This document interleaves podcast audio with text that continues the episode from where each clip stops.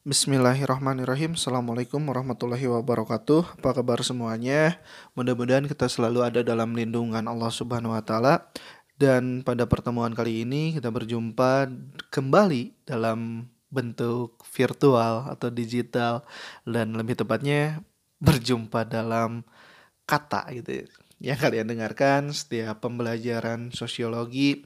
Jika saya tidak men-share bentuk PDF saya akan mengaudiokan suara saya supaya kalian bisa mendengar bagaimana pembelajaran sosiologi ya seenggaknya kalian bisa merasakan di kelas gitu dalam pembelajaran. Metode pun berbeda ya. Kalian di kelas berinteraksi secara langsung dan sekarang ada perantaranya. Kan komunikasi juga ada beberapa tipe.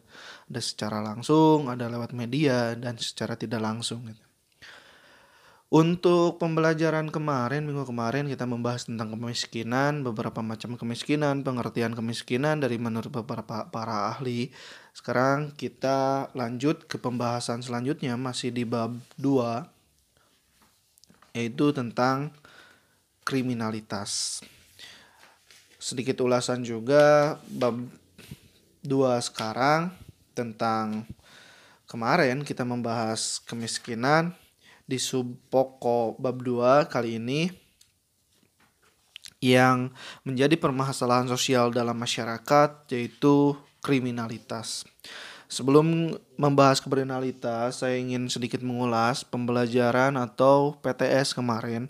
Mubarak yang sudah melakukan atau mengerjakan PTS, bagaimanapun kalian caranya, ada yang meminta lewat Google Form, ada yang meminta lewat WA dan ada pula yang belum mengikuti PTS.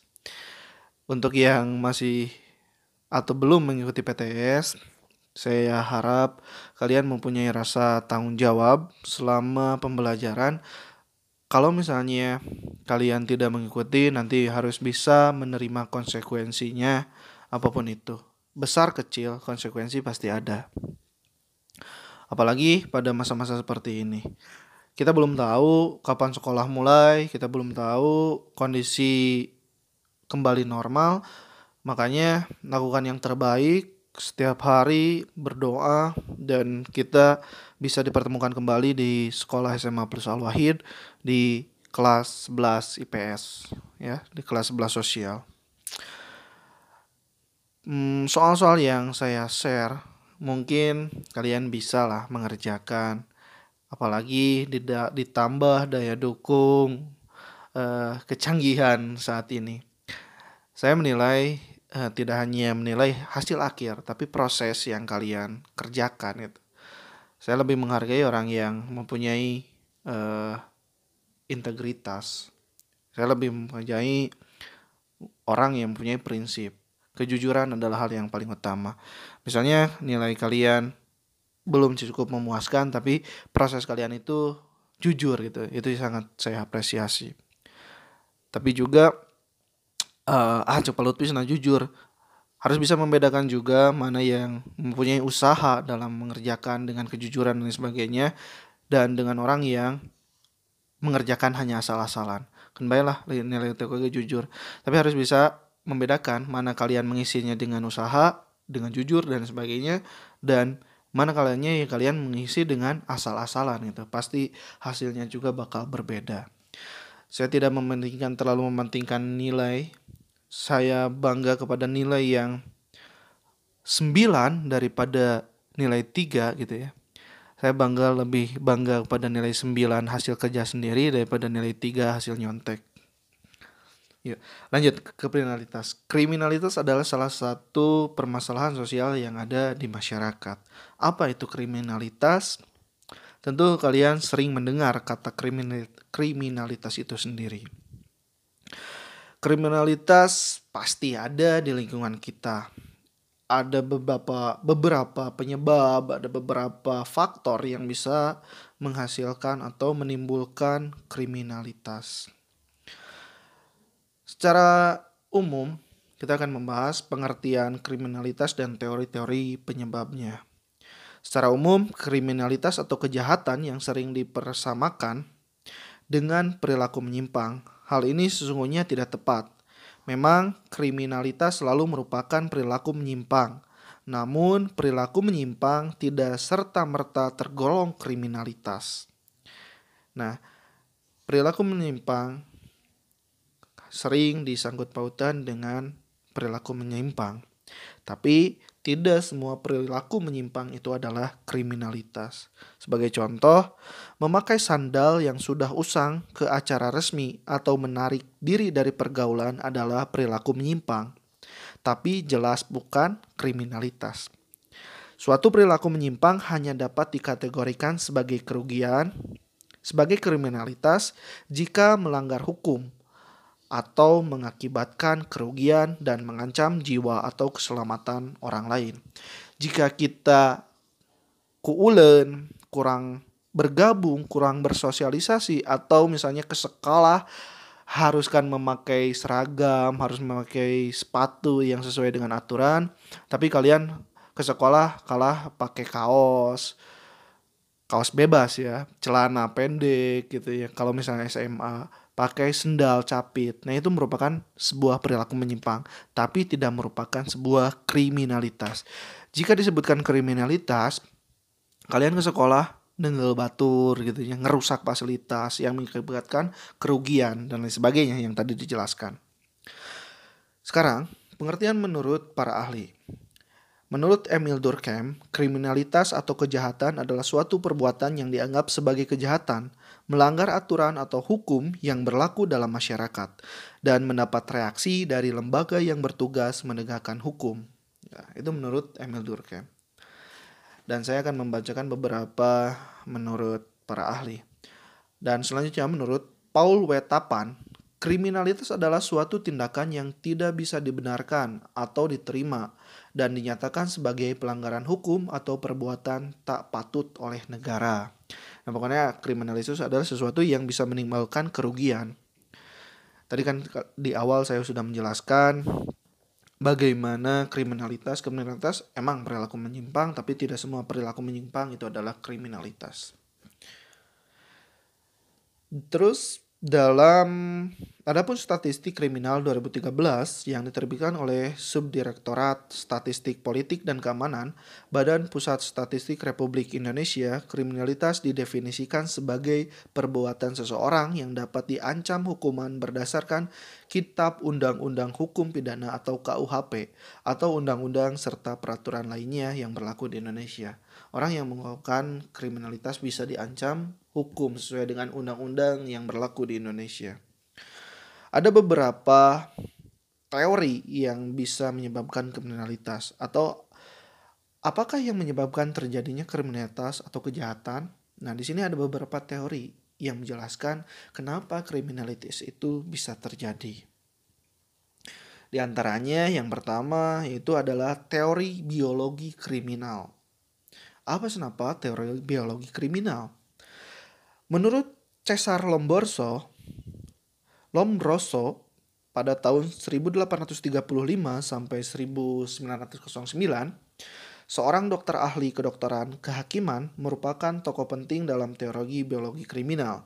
Pokok-pokok teori ini dituangkan Lombroso pada bukunya Leumo Delinquente dalam Susanto 2011. Itu dia menjelaskan yang pertama teori biologi kriminal itu satu penjahat adalah orang yang mempunyai bakat jahat. Kedua, bakat jahat tersebut diperoleh karena kelahiran, yakni diwariskan dari nenek moyang atau sesuatu yang dibawa dari lahir katanya. Tiga, bakat jahat tersebut dapat dilihat dari ciri biologis tertentu, di antaranya wajah yang tidak simetris, bibir tebal, dan hidung pesek. Tiga, keempat, bakat jahat tersebut tidak dapat diubah atau dipengaruhi. Nah, itu adalah menurut Caesar Lombroso. Jadi, kejahatan atau kriminalitas itu bisa dibawa secara dari lahir atau dari dede moyang. Penjahat adalah orang yang mempunyai bakat jahat menurut teori biologi kriminal. Terus menambahkan pengaruh lingkungan dan penyebab kejahatan. Jadi pengaruh lingkungan itu bisa mempengaruhi.